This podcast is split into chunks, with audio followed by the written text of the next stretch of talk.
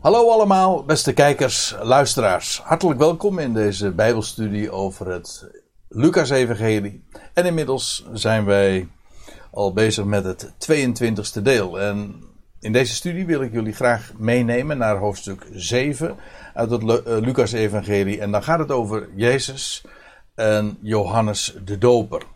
En het is wellicht nuttig om eventjes dat gedeelte in zijn totaliteit te bezien. En dan zie je dat het eh, heel eenvoudig uiteenvalt in twee delen.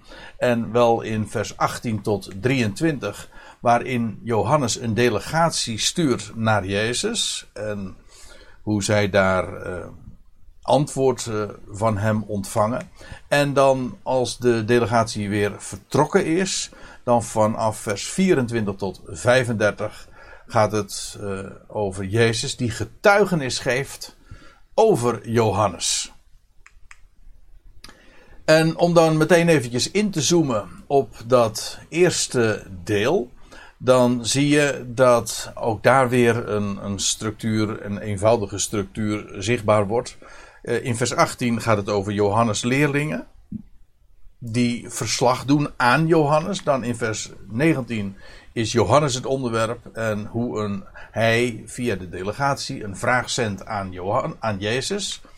In vers 20 zijn het dan weer Johannes leerlingen die het onderwerp zijn en die uh, verslag doen aan Jezus. En dan in vers 21 tot 23 is Johannes weer het onderwerp en hoe aan hem een antwoord gezonden wordt. En zo zie je ook dat uh, dit gedeelte uh, uh, keurig is uh, opgebouwd via deze structuur, die ik ook zo aangeef met die verschillende lijntjes.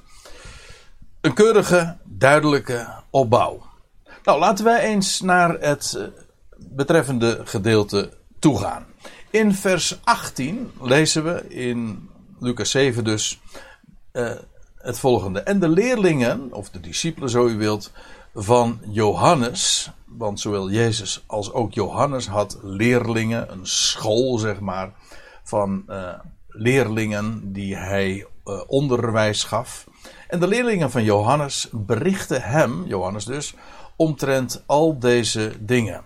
En als het gaat over al deze dingen, dan wordt daarmee, uh, dan verwijst Lucas naar het, het, het voorgaande in, uh, in dit hoofdstuk in het bijzonder. De genezing van zieken en de opwekking van doden. Zoals hij daarover uh, had geschreven. En uh, in het direct voorafgaande lazen we nog. En, en in de MBG-vertaling. En dit gerucht ging over.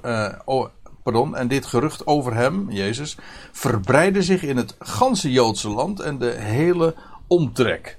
En dan, eh, dat gerucht bereikt dus ook eh, Johannes, en, eh, of in ieder geval de discipelen van Johannes. En die berichten Johannes dan over, over deze dingen. Johannes, dat moet ik er dan even bij vermelden, dat was al veel eerder in, dit, in het Johannes-evangelie, pardon, in het Lucas-evangelie naar voren gebracht. Dat Johannes gevangen was gezet door door uh, koning Herodes. Dus, uh, maar kennelijk uh, was er wel gelegenheid om hem ook te bezoeken en om discipelen te ontvangen. In ieder geval, zij berichten Johannes over deze dingen. En Johannes die riep een tweetal van zijn leerlingen tot zich. En hij zond hen naar Jezus toe om te zeggen: en ja, Johannes uh, was zelf dus gebonden aan een plaats en in de gevangenis. En dus uh, wilde hij uh, meer duidelijkheid hebben. Nou, dan moest hij toch anderen erop uitsturen. En vandaar dat hij dus hen deze missie geeft. En dan staat er. Ja, en de vraag is volstrekt helder. En Johannes, en dat is toch in dit geval ook dat, dat komt heel duidelijk tot uitdrukking in de vraag waarmee hij dat tweetal uh, erop uitstuurt. Dat is namelijk dat hij uh, is gaan twijfelen. En twijfelen namelijk over het messiaschap van Jezus. Of in ieder geval, hoe zit het dan? En vandaar ook dat hij nu echt uh, ja, finale opheldering vraagt. En wat zij zouden overbrengen, de vraag aan Jezus, uh, is deze: Bent u het die komen zou? Of zoals je letterlijk staat, zoals ik dat ook in de interlineair laat zien. Bent u het?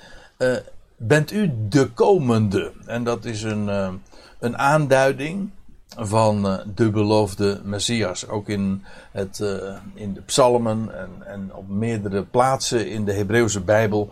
Dan is er sprake van hem die komt. Of de komende. En dan gaat het over degene die verwacht wordt. Degene, de de uiteindelijke, definitieve gezalfde die het koninkrijk van God zou, zou aanbrengen. De komende. En heel bepaald de, neem me niet kwalijk, de, maar ook de komende. En het is en bepaald, maar ook enkelvoud die ene dus. En hij was nog niet gekomen. In feite, de hele Hebreeuwse Bijbel is. Uh, gaat over die verwachting van uh, de komende. En de vraag van Johannes is deze: bent u de komende? Of zouden we een ander verwachten? Uh, bent u dan toch niet de, de definitieve? Hij wist zich natuurlijk ook wel een, een voorloper van de Messias, maar nu hij zelf in de gevangenis zat. En ja, probeer het je even voor te stellen hoe dat voor Johannes is geweest, die zich van bewust was dat hij de wegbereider was van de Messias. Maar ja, wat, eh, wat bleek nou van dat Messiaschap? Hij was nu gevangen, al inmiddels eh, kennelijk geruime tijd. En waaruit blijkt dan het feit dat, uh, dat Jezus Christus, uh, of Jezus de Christus is, oftewel de Messias. Moeten we een andere verwachten. Oftewel, wanneer openbaart u, de, u zichzelf als de Messias? Of bent u dan toch niet, zodat we uh, uit moeten zien naar iemand die na u komt? Dat is de nogal uh, duidelijke vraag. En de reden van de vertwijfeling van Johannes, ja, die laat zich ook gemakkelijk verstaan. Afijn, dat is dus de vraag die Johannes heeft en waarmee hij het tweetal op pad stuurt. En dan staat er in vers 20: En toen de mannen bij hem, Jezus, aankwamen, zeiden zij. Uh, en wat je nu in vers 20 ziet, is dat min of meer uh, woordelijk herhaald wordt wat Lucas ook al in het voorgaande vers had gezegd. En dat is slechts om te onderstrepen uh, het belang van de vraag. Hè? Vandaar de herhaling. De vraag is zo duidelijk, maar ook zo pregnant, zo, zo nadrukkelijk. En vandaar ook uh, ja, het, de onderstreping zien we in de herhaling. Toen de mannen bij hem, Jezus, aankwamen, zeiden zij: Johannes de Doper, want zo heette Johannes. Eh, dat was de naam die hij had gekregen. Want Johannes, eh, of eh, in Israël kende men het fenomeen van de doop wel. Maar al te goed. Bij allerlei gelegenheden doopte men zich. Maar Johannes was een heel bijzondere figuur, want hij was de doper. En dat was een heel nieuw fenomeen. Iemand die anderen doopt. Zodat ze gedoopt worden. En dat was een heel nieuw fenomeen. En vandaar ook dat hij de naam kreeg Johannes de Doper. En Johannes de Doper, zo is de vraag, stuurt ons naar u toe om te zeggen: Bent u het die komen zou, of zouden we een andere verwachten? En de vraag hebben ze niets veranderd, exact zoals Johannes hem had voorgelegd. Zo wordt deze ook weer overgebracht. En dan staat er in dat uur, dus op het moment dat uh, zij bij Jezus arriveren en de vraag stellen, dan staat er in dat uur genas hij vele van ziekte en kwalen en boosaardige geesten. Maar uh, let op, in dat uur. Dus het betekent dat de timing van het arriveren wel heel bijzonder was. Dat wil zeggen, dat kon niet beter. Want dat wat uh, er zich op dat moment in dat uur voltrok, was feitelijk het antwoord op de vraag die zij hadden. Want hij genas vele zieken en van ziekten en kwalen en van boosaardige geesten. En vele blinden bewees hij gunst om te zien. In de MBG-vertaling staat schonk hij het gezicht. Maar dat woord schenken is misschien wat, uh, wat karig, wat karig geschonken. Want uh, eigenlijk staat hier een woord dat te maken heeft met genade, uh, begunstigen, charis. Hij bewees uh, hen de gunst om te zien. Vers 22. En hij antwoordde, Jezus antwoordde en zei tot hen: Ga heen. Als het ware, jullie zijn nou in dit uur gearriveerd, maar jullie kunnen gewoon weer teruggaan. met dicht aan Johannes te berichten. Namelijk wat jullie waarnemen en horen. Eigenlijk hoeft Jezus hier niets meer aan toe te voegen. De feiten spreken voor zich. Dat wat zij konden waarnemen met hun eigen ogen. En dat wat zij vernamen van, van de scharen en al die mensen die daar uh, direct getuigenis aflegden, konden leggen van, van ja, wat ze zelf hadden meegemaakt over geesten en kwalen en en over blinden en over stommen enzovoorts. Nou ja, dat is ook wat Jezus zegt. Uh, bericht wat jullie waarnamen en horen. Blinden kijken weer. Kreupelen wandelen. Melaatsen worden gereinigd. Doofstommen horen. En al deze voorbeelden die hier worden genoemd. Uh, deze wonderen. Die, ja, daarvan worden in de evangelie, niet alleen bij Lucas, maar ook bij Matthäus en bij Marcus en Johannes uh, vele voorbeelden gegeven van, uh, ja, van al die specifieke wonderen die hier ook benoemd worden. En dat niet alleen van blinden en kreupelen, melaatsen en doofstommen, maar ook zelfs doden worden opgewekt. Dat was juist wat had plaatsgevonden in de geschiedenis die we de vorige keer hebben besproken. Namelijk over de opwekking van die jongeling te Nain.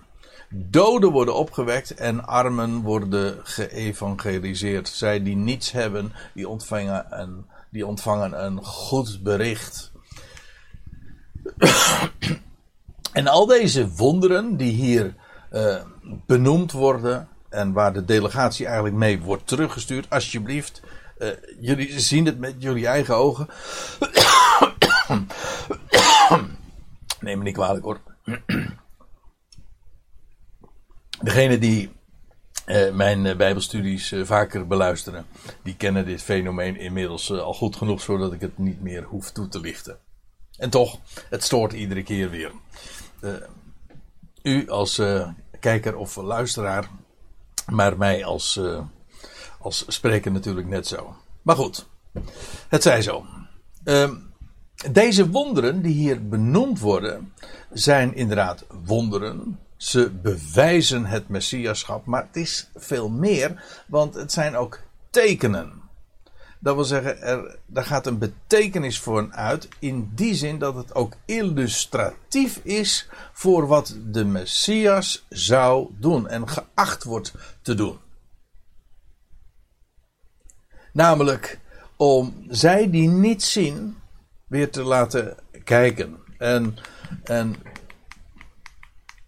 Um, en om, om zij die niet in staat zijn te wandelen en op hun benen te staan, weer uh, inderdaad uh, wel uh, weer op pad te sturen en het vermogen te geven om te wandelen. En mensen die worden gereinigd. Mensen die ten dode zijn opgeschreven, die worden genezen. Mensen die niet in staat zijn om te horen, die, die, aan hen wordt het gehoor gegeven. Die dood zijn, die worden opgewekt. En armen, die worden rijk gemaakt. Ja, we krijgen een goed bericht te horen waarmee ze inderdaad zo rijk worden gemaakt. Nou, al die dingen die hier uh, benoemd worden, zijn waar, zijn letterlijk zo gebeurd, maar ze zijn ook illustratief, ook voor hen die in het algemeen geestelijk niet kunnen zien. Zij die niet kunnen wandelen, zij die ten dode opgeschreven zijn, zij die uh, onrein zijn, die buitengesloten zijn, die niet kunnen horen, die dood zijn, die arm zijn. Nou, hoe je het ook maar zeggen wil. Dat is wat hier gebeurt en dat is uh, wat de, de Messias letterlijk als bewijs van zijn identiteit, maar ook uh, daadwerkelijk zou gaan doen uh, als hij zijn koninkrijk laat aanvangen. En Jezus uh, stuurt die, die, dat tweetal weer met, met, ja, met deze mededeling terug. Zo van, nou, jullie hebben het zelf gehoord, gezien en met eigen ogen kunnen waarnemen. En hij voegt er nog aan toe, en gelukkig is hij uh, die in mij niet verstrikt zou worden. Die, ja, dat woord wat hier genoemd wordt, in de MBG-vertaling staat ze aanstoot nemen. Het heeft, het, het, heeft te maken met een, ons woord schandaal, scandalon. En dat is iets waarover men struikelt, waar men waardoor men ten val komt, waardoor men verstrikt wordt. En ook dat is een kenmerk van de Messias. Als hij zou komen, ja, dan is hij degene op wie men kan bouwen, maar hij is ook de steen van aanstoot, een rots van ergernis. Dat wordt je het is de steen die de bouwlieden, dat wil zeggen de leidslieden ook hebben afgekeurd, maar niettemin toch tot een, een hoeksteen wordt. Uh, dus aan de ene kant, die Messias die zou komen, die zou aanvaarding vinden, die zou uh, ontvangen worden door een, een, een overblijfsel, door een rest. En ja, dat zijn de gelukkigen. Maar er zouden ook velen zijn die over hem zouden struikelen en verstrikt zouden raken. En uh, een, ja, vandaar dus ook een, een steen van aanstoot, een rots van ergernis. En je, uh, ik geef hier uh, op deze dia ook de verschillende verwijzingen. En in de psalmen, in Jezaja, maar zoveel andere plaatsen bij de profeten eh, vind je dat beschreven. Dat die tweedeling in het volk die ontstaat doordat hij komt.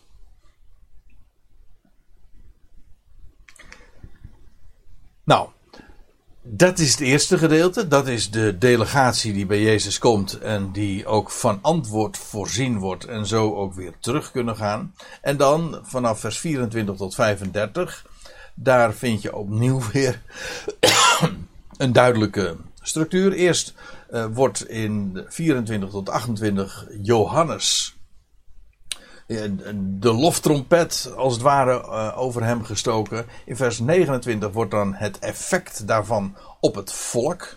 Het effect van Johannes' boodschap en bediening, het effect op het volk. En, maar ook het effect dat het heeft op de fariseeën, de wetgeleerden, de schriftgeleerden. En dan in vers 31 tot 35 vinden we eigenlijk een aanklacht tegen de Fariseeën. Zodat het begint met lof en het eindigt met een aanklacht. Het begint met Johannes, het eindigt met de Fariseeën. En daartussenin gaat het over het effect van de bediening van Johannes op het volk. En het effect dat het heeft op de schriftgeleerden en de Fariseeën de leidslieden, zo u wilt. Nou, laten we eens naar vers 24 toe gaan.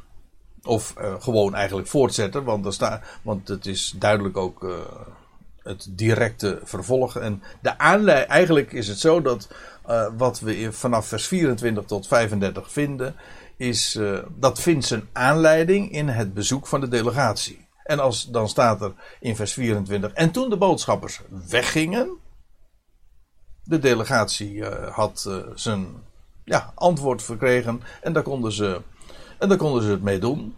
En dan staat er dat Jezus begon te zeggen tegen de scharen dus de, de mensenmenigte om hem heen, omtrent Johannes. Waarom gaan jullie uit? Dus dit is de vraagstelling aan de, aan, aan, aan de scharen die om hem heen staat. Hij zegt: Waarom gaan jullie uit? Om in de wildernis, de woestijn, wordt het in de MBG-vertaling weergegeven. Uh, waar de woestijn, de wildernis waar Johannes uh, ooit uh, dus actief was in zijn, in zijn bediening. Hij woonde, of hij ja, hij doopte daarbij de Jordaan, maar hij verbleef uh, in de rest van zijn tijd. Hij woonde echt in de wildernis. En waarom ging de schade uit? Waarom gaan jullie uit? Om, om in de wildernis een rietstengel te aanschouwen die door de wind geschud wordt? Uh, dat is de eerste manier waarop Johannes uh, wordt, wordt aangeduid. Nou ja, nee, dat is niet correct zoals ik het nu zeg. Uh, het is een vraag namelijk. Was Johannes daar in de wildernis een rietstengel die door de wind geschud wordt? Kijk, een rietstengel, uh, ik denk dat, dat, uh, dat Jezus daarmee ook refereert aan, aan, aan de Jordaanvallei waar Johannes werkzaam was. En waar hij doopte. Ja, wat, wat vind je daar in die vallei? Daar vond je rietstengels. Maar leek Johannes' bediening op een, op, op een rietstengel rietstengel, dat is, is, eh, dat is heel zwak, dat knakt zomaar. En bovendien, dat wordt zo gemakkelijk door de, door, meegevoerd door de wind. Maar was Johannes zo iemand? Een, een symbool van meegaandheid, die, zoals wij dat dan ook zeggen, die met alle winden meewaait. Hè, zoals een rietstengel dat doet. Nou, bepaald niet. Hè? Uh, Jezus stelt deze. Uh, retorische vraag, want uh, hij, hij, hij krijgt geen antwoord. Hij, hij geeft zelf antwoord op, op de vraag. Hij zegt, hebben jullie in de woestijn, daar, uh, hebben jullie in de wildernis, zijn jullie iemand tegengekomen die met alle winden meewaait? Nou, bepaald niet. Als er één was die een, een, een, een niet alleen een loop zuiveren, maar ook een, een, een boodschap had die bepaald niet de aard had dat het mensen naar de mond sprak. Integendeel. Want Johannes was ook vlijm en vlijmscherp. Dat was geen windvaantje. Absoluut niet. En daarom, vandaar ook dat Jezus vervolgens zegt in vers 25. Maar wat hebben jullie, eh, terwijl jullie uitgingen, eh, eh, waargenomen? Een, een mens in zachte bovenkleding gekleed. Een, dat klinkt misschien wat vreemd voor ons, maar het idee is hier: die zachte bovenkleding is een symbool van luxe. nou, wij weten wel iets over de, de, de kleding van Johannes. Want die was heel typerend ook. Johannes, die, eh, van hem lezen we in uh, Matthäus 3 en ik geloof ook op andere plaatsen. Die was uh, net als Elia ooit gekleed en in een kameelharen mantel. Nou, dat was uh, in die dagen een. Dat zou het vandaag ook zijn. Maar ook in die dagen was dat een uitzonderlijk gewaad. Heel ruig. Kameelharen mantel. Hij had een leren gordel. Dat typeerde hem. Dat is trouwens heel eigenaardig, want uh, die manier van kleden. Daar stond de profeet Elia ook onbekend zodat het ook inderdaad heel duidelijk is dat Johannes optrad in de geest van Elia. Hij is in die zin ook daadwerkelijk uh, de vertegenwoordiger, de belichaming of de representant uh, van, van de profeet Elia. Geen windvaantje, ook niet iemand die in, in, in zachte bovenkleding gekleed ging, in, in luxe. Let op, uh, zegt Jezus dan. Zij die in glorieuze en luxe kleding zijn. Ja, dat zijn, die zijn onder de koninklijke. Met andere woorden, degene die zich op die wijze kleden. In zulke mode. Ja, dat, die behoren tot, tot de koninklijke. Maar Johannes was bepaald niet koninklijk in zijn verschijning. in zijn, in zijn uiterlijk. Bepaald niet. Dus, en geen windvaantje. Ook niet iemand die er luxe en glorieus uitzag. Of koninklijk, als iemand die in paleizen verkeert. Een, zich zo vertoonde. Allerminst. En dan opnieuw de vraag: maar wat hebben jullie uitgegaan, waargenomen? Een profeet? En nu is het antwoord: ja, dit is, uh, het ant uh, dit is inderdaad wat ze echt waargenomen hebben. Ze hebben niet waargenomen uh, iemand die meewaait. Ze hebben ook niet iemand mee waargenomen die, die, die luxe en in, in glorie zich vertoonde. Wat ze wel waarnamen, was een profeet. Maar zegt. Trouwens, als ik zeg een profeet, dat, zo was hij ook aangekondigd. Ooit bij. In de tempel, als zijn vader Zacharia verneemt of te horen krijgt wie hij zou zijn. Hij zou een profeet zijn van de Allerhoogste. En in hoofdstuk 20 van het Lucas-evangelie, daar lezen we ook dat, uh, dat Johannes uh, door heel het volk werd gehouden voor een profeet. Onder het volk was daar geen twijfel uh, over. De elite, de, de religieuze leidslieden, die hadden grote problemen met hem. En, maar zij hebben zich nooit hun vingers willen branden aan, uh, aan Johannes' bediening, want het hele volk hield hem voor een profeet. Zo staat dat ook op verschillende plaatsen in de evangelie beschreven. Maar Jezus zegt van ja, als ik zeg een profeet, ik zeg jullie.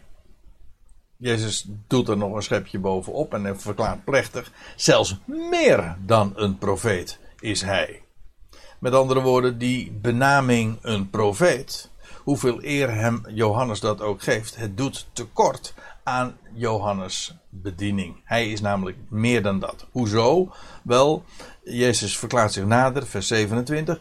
Deze is het, Johannes dus, omtrent wie geschreven staat. Aha, hij was dus voorzegd. En als Jezus dat zo hier uh, zegt, dan verwijst hij naar verschillende schriftgedeelten, naar Jesaja 40, naar Malachi 3, naar Malachi 4, uh, waarmee ook maar gezegd is dat uh, ook degene die de Messias zou aankondigen, zijn wegbereider, ook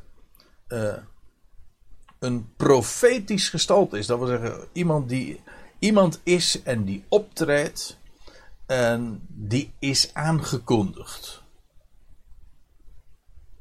Voorzegd. Omtrent wie geschreven staat, let op.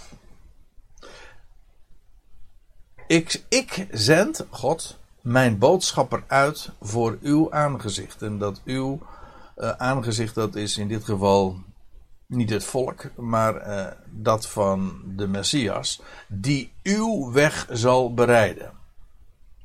Vlak voor u. Dus, dus vlak voordat de Messias zou komen, en dan zou voor zijn aangezicht zijn weg worden bereid.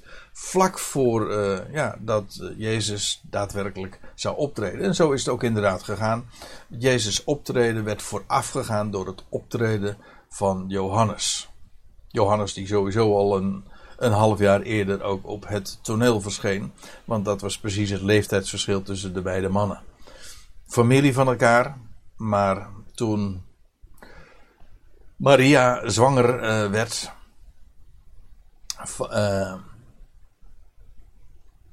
Toen was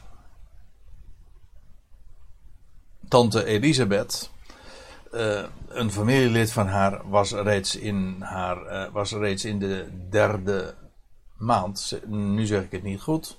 In de zesde maand natuurlijk. Ja, het was een half jaar uh, dat de beide mannen, Johannes en Jezus, verschilden.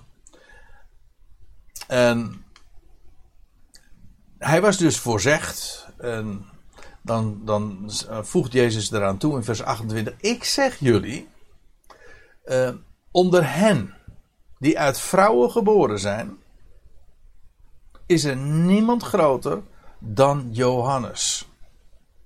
Dat is een hele krachtige, een boute uitspraak. Want het, uh, het, het, het geeft dus aan dat Johannes alle profeten achter zich laat. Hij is groter dan wie ook van de profeten. Of het nou over Jezaja of over Jeremia of over Ezekiel gaat. Johannes is groter. Niemand is groter dan Johannes. En vandaar ook dat hij meer dan een profeet is. Zoals Jezus zojuist had gezegd. Maar nou komt het. Terwijl dit waar is, van alle profeten is Johannes de overtreffende. Ook aangekondigd, voorzegd, direct voorafgaand aan de Messias. Dat maakt hem ook groter. Maar, zegt Jezus, de kleinere in het koninkrijk van God. Niet de kleinste trouwens, het is geen overtreffende trap, maar de vergrotende trap. De, de kleinere in het koninkrijk van God is groter dan hij. En ik denk dat het hier, eh, wanneer Jezus spreekt over de kleineren, dat het over zichzelf heeft. Eén, de kleinere. En hij, Jezus Christus zelf was in, uh, beschouwt zich als de kleinere, in de zin ook van de jongere. Ja, hij kwam later dan Johannes. Maar uh, hij, is, uh, hij mag dan de kleinere zijn. Hij heeft zich trouwens ook nog veel meer vernederd. Hij is kleiner geworden. De kleinere in het koninkrijk van God is groter dan hij. Johannes is geboren uit een vrouw. Maar als het koninkrijk van God aanvangt, dan gaat het niet, dan gaat het niet uh, meer om geboorten uit een vrouw, maar dan gaat het om uh, geboorte uit water en geest, uit geestelijk water. En het is uh, de heer Jezus in Johannes 3, die in, een, in het nachtelijk uur uh, de leraar van Israël, Nicodemus, daar onderricht over geeft. En het hem trouwens erg kwalijk neemt dat hij daar van deze dingen niet op de hoogte was. Het koninkrijk van God, daar komt men in ja, door wedergeboorte. En, oftewel door het ontvangen van nieuw leven. En dat nieuwe leven, dat is het leven van opstanding. En met de opstanding, ja, uh, ontstaat er een hele nieuwe werkelijkheid. Het, u moet zich realiseren, in de dagen van het, van het uh, waarin dit de, de dingen die hier beschreven worden door, door Lucas, maar ook door wat we in de parallele evangelie aantreffen, dat wat daar beschreven wordt, dat was een aankondiging van het koninkrijk. De prediking van zowel Johannes als van Jezus was: het koninkrijk der hemelen of het koninkrijk Gods is nabijgekomen. Wanneer dan wel? Wel, dat begint ja, in feite met die ene, de kleinere, de minste, de geringste, degene die zich vernedert, maar die door God is opgewekt uit de doden.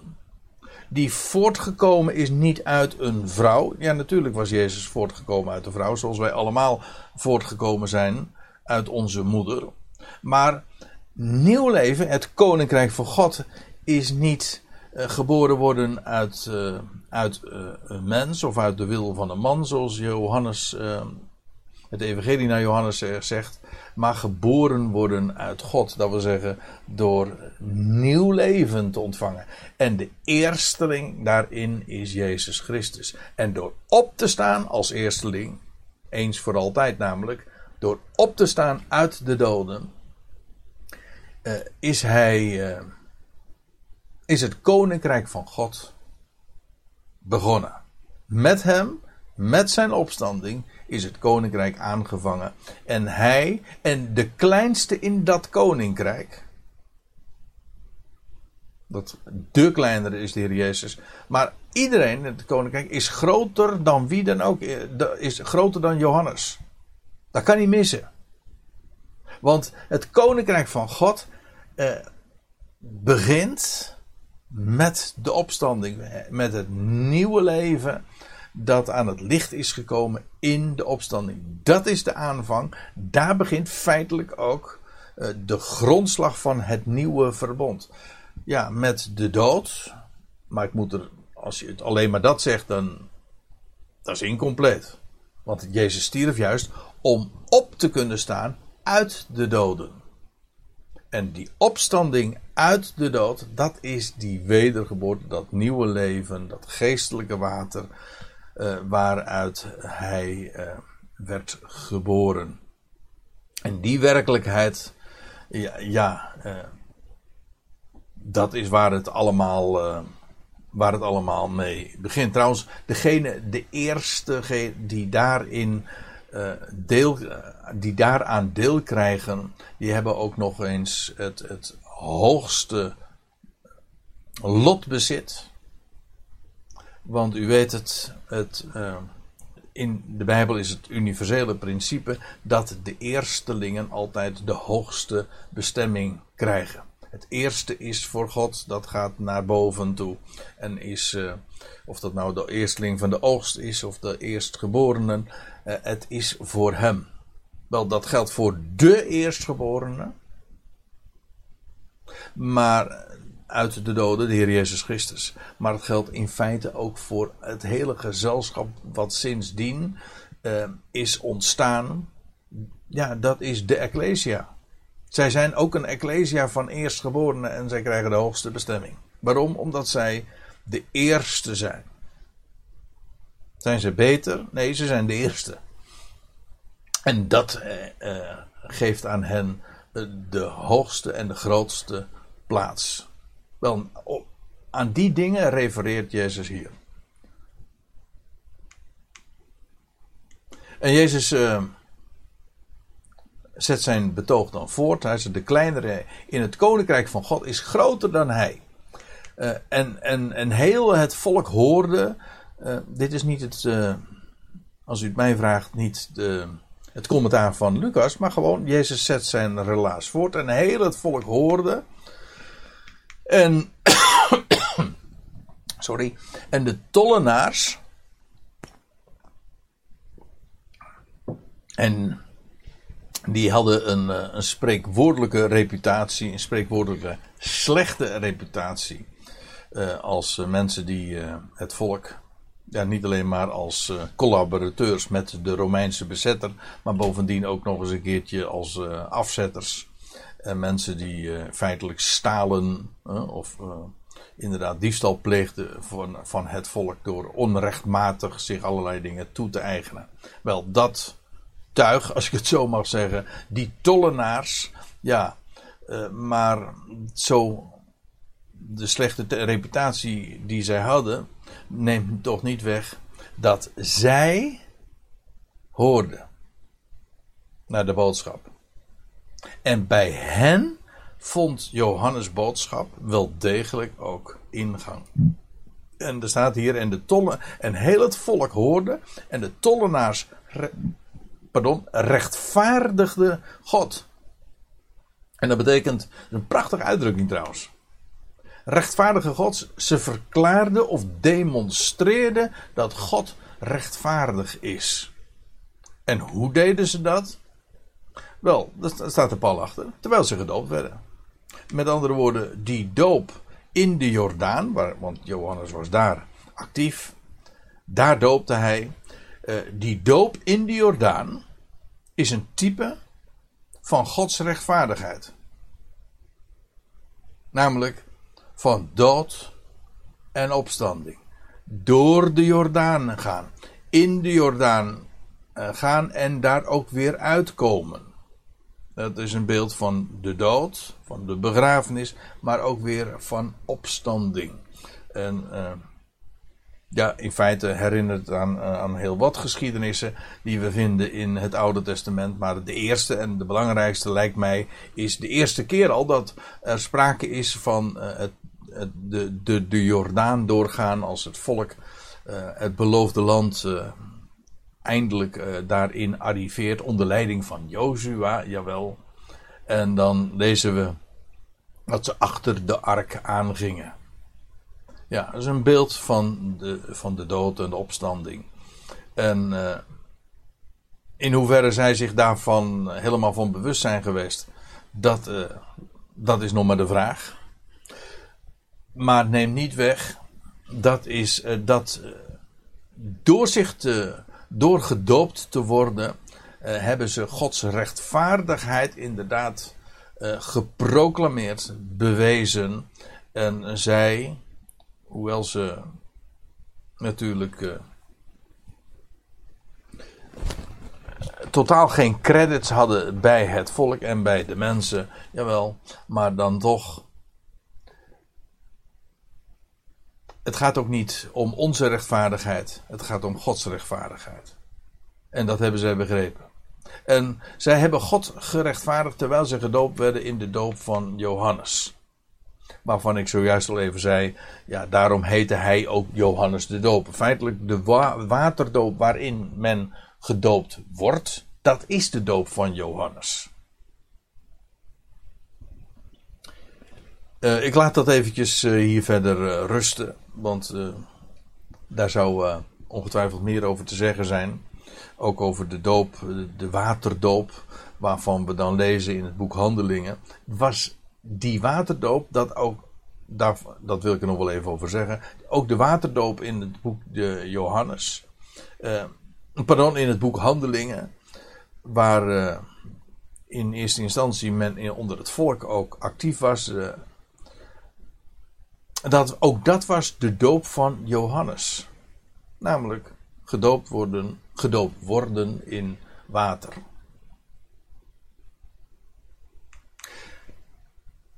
Het gaat hier om de tegenstelling aan de ene kant tussen het volk en de tollenaars. Het feit dat die beroepsgroepen zo uitgelicht wordt geeft aan uh, dat het uh, niet hun eigen rechtvaardigheid was of hun reputatie. Nee, ze hadden. Uh, ze keken omhoog naar God. En, en vandaar ook dat ze oor hadden voor, voor dat wat.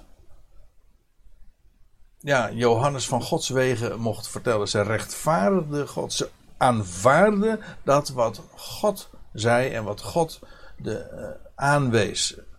En dat was ook de reden waarom ze gedoopt werden in de Jordaan. En los van de vraag van uh, hoeveel begrip zij daarvoor hadden, zij deden dat. En daarmee demonstreerden ze Gods rechtvaardigheid. En zij deden dat wel, maar uitgerekend degene van wie je zou mogen verwachten dat zij begrip zouden hebben voor, uh, voor ja, de raad van God en voor Gods rechtvaardigheid ja, zij verwierpen dat. Zij kenden het niet, ze erkenden het niet. Uh, de fariseeën, de secte of de partij, van, uh, een geestelijke partij daar uh, binnen de Joodse godsdienstige gemeenschap, ook en de wetgeleerden.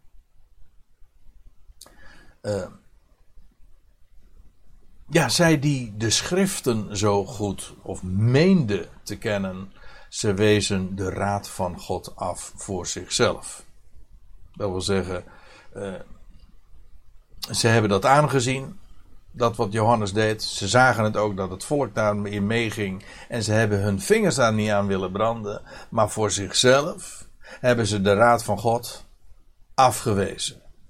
En hoe deden ze dat wel door niet door hem gedoopt te worden? Zij, waren, zij voelden zich daar te goed voor te rechtvaardig. Ja, zij gingen daar niet in mee. en uh, de raad van God, ja, dat is dus uh, dat wat God van zins is. De bedoeling van God. Gods, Gods raad, dat is die rechtvaardigheid waar in het voorgaande vers over uh, gesproken werd. Gods raad die ook dus uitgebeeld wordt in de doop. Die Johannes daar praktiseerde in de Jordaan. En dan vraagt Jezus in vers 31: Met wie dan zal ik de mensen van deze generatie vergelijken? En op wie lijken ze? En deze generatie, ja, dan doelt hij op die, die van, de, van, die, de generatie, het geslacht van de Fariseeën en, en, en de wetgeleerden.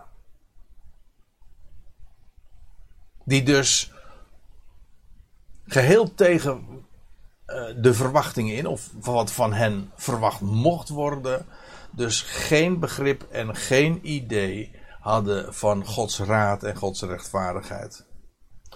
En dan vraagt Jezus uh, zich, stelt Jezus de vraag van, ja, waar, waarmee moet ik dit soort, zo zou je het misschien ook kunnen weergeven. Het gaat niet zozeer over een generatie in de zin van uh, Gernas, Gernias. Daar staat niet alleen maar voor een, een, een, een, generatie in de zin van een, een bepaalde periode maar ook een bepaald soort. Hè? Het soort van mensen, van de fariseeën en de, en de wetgeleerden. En Jezus vraagt, ja, waarmee zal ik deze lui nou, oneerbiedig uitgesproken, eh, vergelijken? Op wie lijken ze? Nou, zegt hij, ze lijken op kleine kinderen die op de markt zitten en elkaar het gezegde toeroepen. Het gezegde, dat refereert kennelijk aan een, een bepaald uh, eh, bekend kinderspel. En Jezus zegt van nou, het, het lijkt erop. Ze lijken gewoon op kleine kinderen die op de markt zitten en elkaar het gezegde toeroepen. Wij spelen voor jullie op de fluit. Jullie dansten niet. En wij weeklagen en jullie huilen niet. Misschien was dit een spel van, uh, waarbij bruiloft gespeeld werd of en begrafenis. Uh, ik weet het niet. Uh, in ieder geval, het gaat om kinderspel. En waarbij de ene groep oproept tot, namelijk door op de fluit te spelen of door te gaan weeklagen, maar de ander niet daarop passend reageren. En waarbij trouwens hier sprake is van mensen die op de fluit spelen en van mensen die weeklagen. Wel, Johannes, dat was die weeklagende. Oh, uit het uh, navolgende vers zal ik dat ook nog wel even duidelijk maken. Want dan blijkt dat denk ik uh, zonder meer. Maar Johannes is die weeklagende en Jezus is degene, de bruidegom, die op de fluit speelde. En wat gebeurde er? Nog op, nog op dat wat Johannes deed. Nog op datgene wat Jezus deed. En nog dus uh, de bediening van Johannes, nog de bediening van Jezus. Daar ging een, een, een, een sprake van uit. Maar wat wordt er hoe reageerde men? Hoe reageerde dat soort, die generatie van, van schriftgeleerden en van wetgeleerden en fariseeën? Niet. Ze reageerden niet.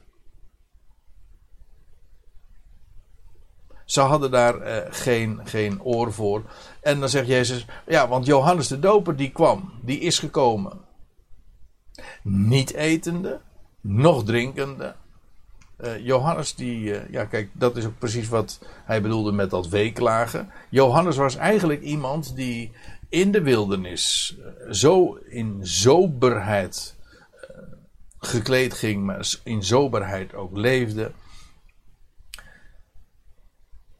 Niet etend, niet drinkend, ascetisch, in, als het ware in rouw. En, en, en, en hoe reageren de, de, de wetgeleerden en de fariseeën en de geestelijke leidslieden daarop? Die zeggen dan, oh hij heeft een demon. Kennelijk uh, ging, zong die suggestie ook rond. Uh, weliswaar wordt dat, uh, hebben zij het volk nooit in het harnas willen jagen met, met, met Johannes de Doper. Maar Johannes de Doper, die moesten, zij, zij pruimden hem niet. En ze zeiden dus, uh, er werd van hem gezegd, hij heeft een demon. En dat uh, ascese, uh, dat wil zeggen je onthouden van, van de geneugten van het leven, eten en drinken, dat wordt al heel gauw en ook geassocieerd met demonie. het is een, een onnatuurlijke houding, onnatuurlijke onthouding en heeft ook iets dwangmatigs en vandaar ook die associatie met demonie. Hij, hij heeft een demon, werd er gezegd. Maar zegt Jezus dan, en de zoon van de mens, dat is een aanduiding van hemzelf, de erfgenaam van Adam. De mens, de eerste mens. En hij, de erfgenaam daarvan, dat is de Ben Adam. Hij zegt, die is gekomen, wel etende en drinkende. Dus uh, hoezeer Johannes en Jezus ook inderdaad uh, hun bediening op één lijn ligt Absoluut. Het is niettemin toch zo uh, dat hun optreden, hun stijl heel anders was. Johannes in Assese. En ze zeiden, of er werd van hem gezegd, kennelijk vooral door uh, de geestelijke leidslieden, geestelijk tussen aanhalingstekens natuurlijk. Hij heeft een demon. En dan komt de zoon van de mens. En die eet wel en die drinkt ook. Uh, die was bepaald niet ascetisch. En ze zeggen: let op, een mens, een veelvraat en een wijndrinker, een vriend van tollenaren en zondaren. En dan zeggen we in het Nederlands: het is niet goed of het deugt niet. En in beide gevallen, Johannes' bediening was van Gods wegen. Johannes was gezonden, voorzegd, en Johannes deed precies wat hij geacht, wordt, uh, geacht werd te doen, namelijk de weg te bereiden. En daar in de Jordaan te dopen. En heeft een, een grootse bediening gehad. Maar de geestelijke leidslieden onttrokken zich van hem en ze hebben zich gedistanceerd van hem. En ze, onderling hebben ze geroepen van ach, hij heeft een demon. En dan komt degene van wie Johannes de Doper zei van zie het lam gods. Nou ja, als die dan in de gevangenis dan aankomt, dan, dan weet hij het allemaal niet zo precies meer. En dan is hij in vertwijfeling gekomen. Vandaar dat hij die, die delegatie erop uitstuurde. Maar zijn bediening eh, onder het volk was eh, heel duidelijk. En als Jezus dan eenmaal komt bij hem om ook gedoopt te worden, ja, dan is Johannes uh, de doper zelf er getuige van dat, dat, dat Jezus inderdaad degene moet zijn. Ja, en. Maar goed, even los daarvan. Uh, Johannes, die wilde men niet. Want die kwam niet etend en niet drinkend. En daar, daar wist men slecht van te spreken. En nou komt de zoon van de mens. En die eet wel en die drinkt ook. En dan zeggen ze: Oh, dat is een veelvraat en een, en een wijndrinker. Dat was Jezus' reputatie. En bovendien, hij, ja, bourgondisch, een veelvraat en een wijndrinker. Onmatig. En bovendien, hij werd ook nog eens geassocieerd met een minderwaardig gezelschap. Kijk, Johannes, die, was, ja, die leefde in eenzaamheid in de wildernis. Jezus niet.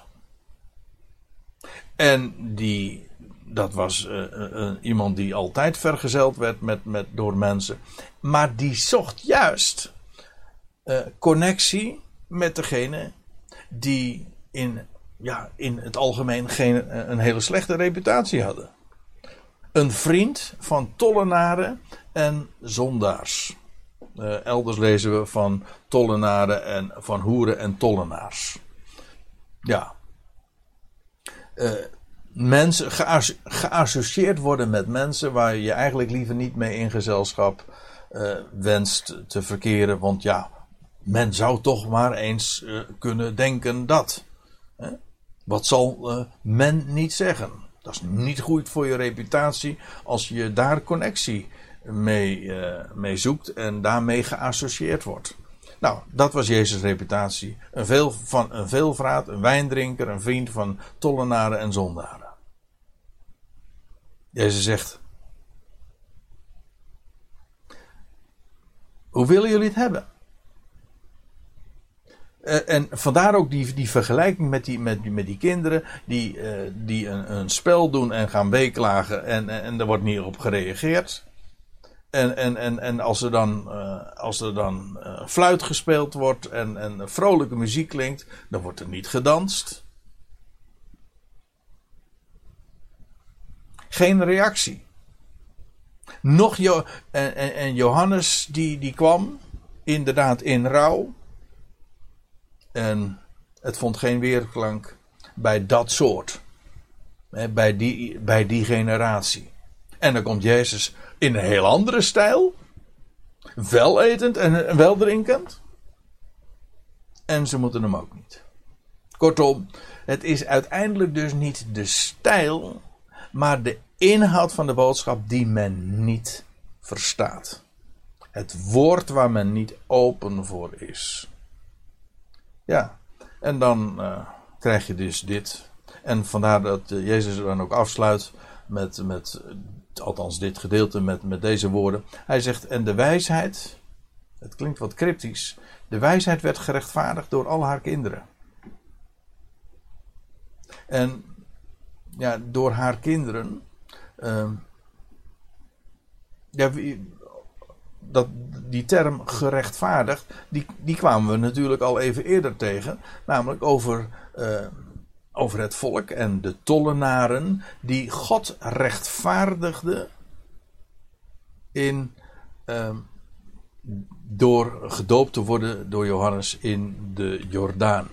Wel, de wijsheid die daarin tot uitdrukking komt ja, die werd gerechtvaardigd door al haar kinderen. Dat wil zeggen, degene die daar uh, die, die uh, gedoopt werden. En die wijsheid, die kwam aan het licht en die werd uh, gerechtvaardigd door al haar kinderen. en in die doop,